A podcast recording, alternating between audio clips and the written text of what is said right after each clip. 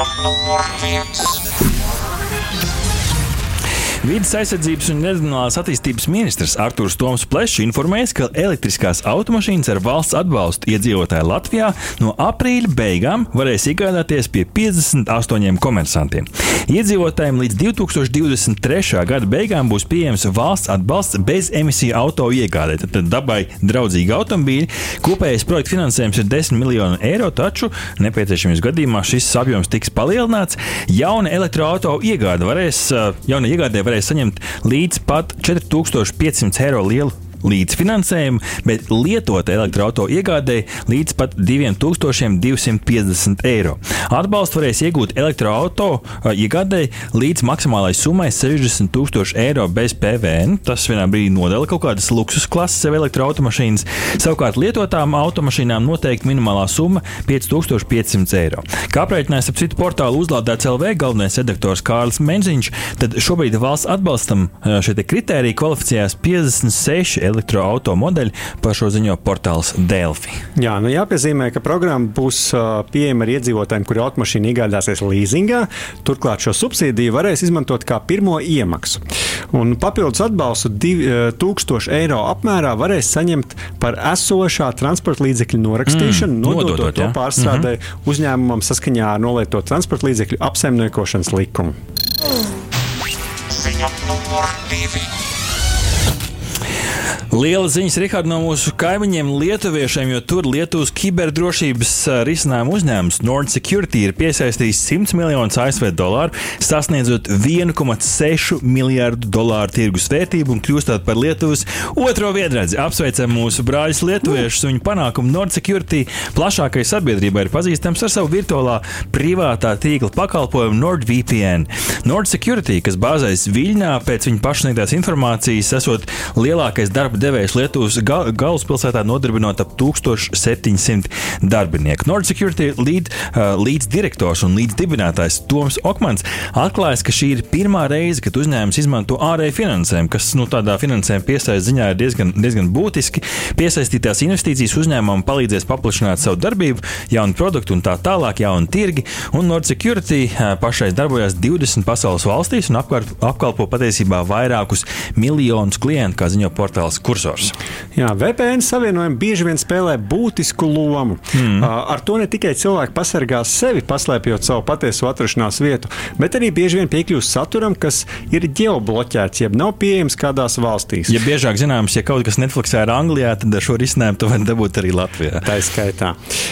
Pēdējais populārais gadījums ir, protams, martā Krievijas iedzīvotāji naski ķērās pie VPN servisiem, lai apietu valstī noteiktās sankcijas pēc tās iebrukuma Ukrainā. Ziņa numur trīs. Jaunums, kas skars patiesi daudzus cilvēkus visapkārt pasaulē, ir par WhatsApp jaunajām funkcijām. Populārā saziņas lietotnē būs jaun, daudz jauni uzlabojumi, kur līdz lietotājiem nonākšot pārskatāmā nākotnē. Kādi tad būs šie uzlabojumi? Pirmkārt, ziņu novērtēšana ar emoji, jeb emociju ikonām, satura kontrolēšanas iespēja grupu čatos, respektīvi, administratori varēs uh, tur nodarboties ar kaut kādu uh, satura administrēšanu, audio zvanu, jeb audio sapulces līdz pat 32 dalībniekiem. Tātad jau nu, neliela izmēra uzņēmums varēs WhatsApp taisīt sapulces un lielāku failu koplietošanu līdz pat 2 gigabaitiem. Pēc pašlaik lietās informācijas tie emociju ikonu izpildījums laikam būs līdzīgs kā Facebook Messenger, bet šeit būs, ja tie screenshot, ja ekrāna attēli ir patiesi, tad līdz pat 18 emociju ikonām šeit, nu, piemēram, gan Discordā ir pilnīgi visi emociju ikoni pieejami. To var novērtēt kādu, piemēram, ar hokeja vārtiem, lai arī ko tas nozīmētu. Bet šeit būs 18 ikonas un par šiem te grupu čatiem šeit administratori varēs dzēst nevēlamu saturu, kas, starp citu, var noderēt arī dezinformācijas mazināšanai dažādos populāros čatos, dzēšot informāciju, kas ir nepatiesa un apmelo, klāja apmelo kaut kādu faktu. Jā, nu, WhatsApp lietotne jau kādu laiku ir pieejama datorā, vai ne? Un tagad arī tā iegūst papildus dažādas um, iespējas, tā skaitā pārsūtīt lielākus failus. Mm -hmm. Tas kļūst par pilnīgi citu uh, rīku, ja mēs paskatāmies uz to saziņu. Mm -hmm. Tieši tā, tieši tā. Un tā no, vien, no kā tu saki, no vienkārši tādas saziņas platformas, tā jau kļūst par multifunkcionālu uh, platformu. Un nu, kaut kādā mērā jau ļoti loģiska evolūcija, jo nu, droši vien arī jūs zinat, ka ļoti daudz jūsu kolektīvi TV, daži dažādi citi uh, cilvēku grupas vienojušajos WhatsApp čatos.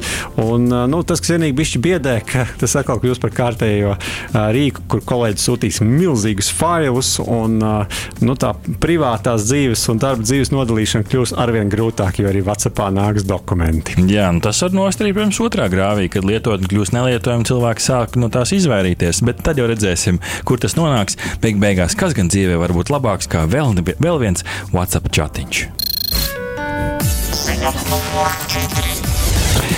Japānā rīts pavisam kaut kas interesants. Jauna, interesanta ierīce - elektriskie irbulīši, kas uzlabo ēdienu garšu ar elektrisko stimulāciju. Irbulīši, kurus izstrādājuši Meija universitātes zinātnieki, ir savienoti ar ierīci, kur piestiprina uz rokas locītājs, un no tā nāk ārā vāja elektriskā strāva tieši tavā zupiņā. Un šādā veidā tiek kustināti natrija joni, un, kas savukārt nu, tā vienkārši runājot, rada tādu pastiprinātu sāļo garšu ēdienam. Kā ziņu aģentūrai Reuters pastāstīja profesors Homejs Miešita, mazajā kastītē uz rokas locītājs ir mazs datoriņš, kas veic šo natrija jo, jonu plūsmas cirkulāciju, un tā rezultātā ēdienā var uzlabot tieši sāļo garšu līdz pat pusotrai reizei. Šajā video demonstrācijā gan bija tāda rāmena zupai līdzīgs ēdiens, ko šie irbulīši ir iekšā, un tad cilvēks sūta to zupiņu, un ir nedaudz saļāk, kā, kā varbūt parasti vai pie, piebirdinot klāt arī sāli. Nu, un cilvēki, kas ikdienā maz patērējot sāli, tieši šajos testos esot izteikuši pozitīvas atsauksmes, lai arī ko tas nozīmētu. Jā, nu, katrā ziņā sāli mēs patērām ikdienā gana daudz. Un, nu, kā mēs dzirdējām, tad šo irbulīšu testos dietoloģi skaidroja, ka tā varētu nākotnē būt laba alternatīva sāls samazināšanai savā uh, uzturā. Bet, nu, kā tas būs, to mēs to laiks tikai rādīs. Nu, Vai šis irbulīts aizies Latvijā, tas atkarīgs no tā, vai iespiežot šo irbuli kartupelī, viņš kļūs sāļāks. Ziņa numur 5. Jau 11. reizi norisināsies jaunu uzņēmumu un tehnoloģiju pasākums TechChill no 27. līdz 29. aprīlim, kurā varēs satikt un dzirdēt vairāku Baltijas vienradžu pieredzes stāstus, kā arī uzzināt par šobrīd aktuāliem jautājumiem. Pasākums, atšķirībā no pagājušā gada, norisināsies klātienes formātā.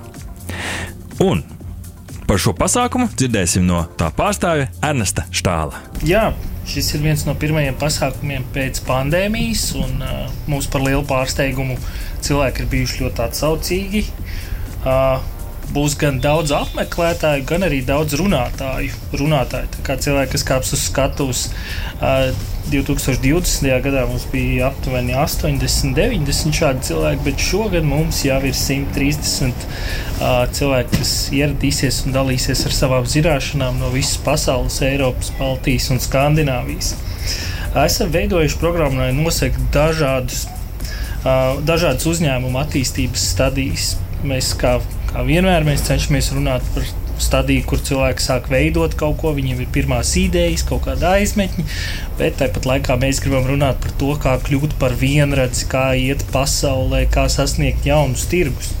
Uh, nu, šis būs, šī ir viena no atslēgas tēmām. Um, startup pasaule vienmēr meklē nākošās lielās lietas. Tātad, nu, idejas ir idejas, bet kas ir tad pirms tām idejām? Mums, protams, ir jārunā par tendence, tendences, kas ir um, pasaulē un kurp, kurp dodas, kur būs tā nākošā lielā lieta. Uh, protams, tas ir metavers, tas ir Web 3.0. Uh, tas ir health un biotech. Šīs tad arī tēmas, kurējās mēs esam aicinājuši gan uzņēmējus, gan vizionārus, kurēji dalīsies par šo tēmu. Protams, tehnoloģija vide nav nodalīta no kopējās pasaules, un arī mums ir jārunā par ģeopolitiku, ārpolitiku, par to, kā digitālā vide un dažādi rīki var palīdzēt vai uh, traucēt, uh, radīt kaut kādus narratīvus vai uh, vidi, informācijas telpu. Nu, to mēs arī šķetināsim. Jā, nu patiesi Tekčila parasti pulcē jaunu uzņēmumu avangarda pārstāvis. Arī šīs, šī reize nav izņēmums. Un nu, te pulcēsies vairāku te Baltijas vienradžu dibinātāji, nu, piemēram, Wintid, Nord Security, Pipedrive un arī Printful pārstāvi piedalīsies Tekčila šajā gadā.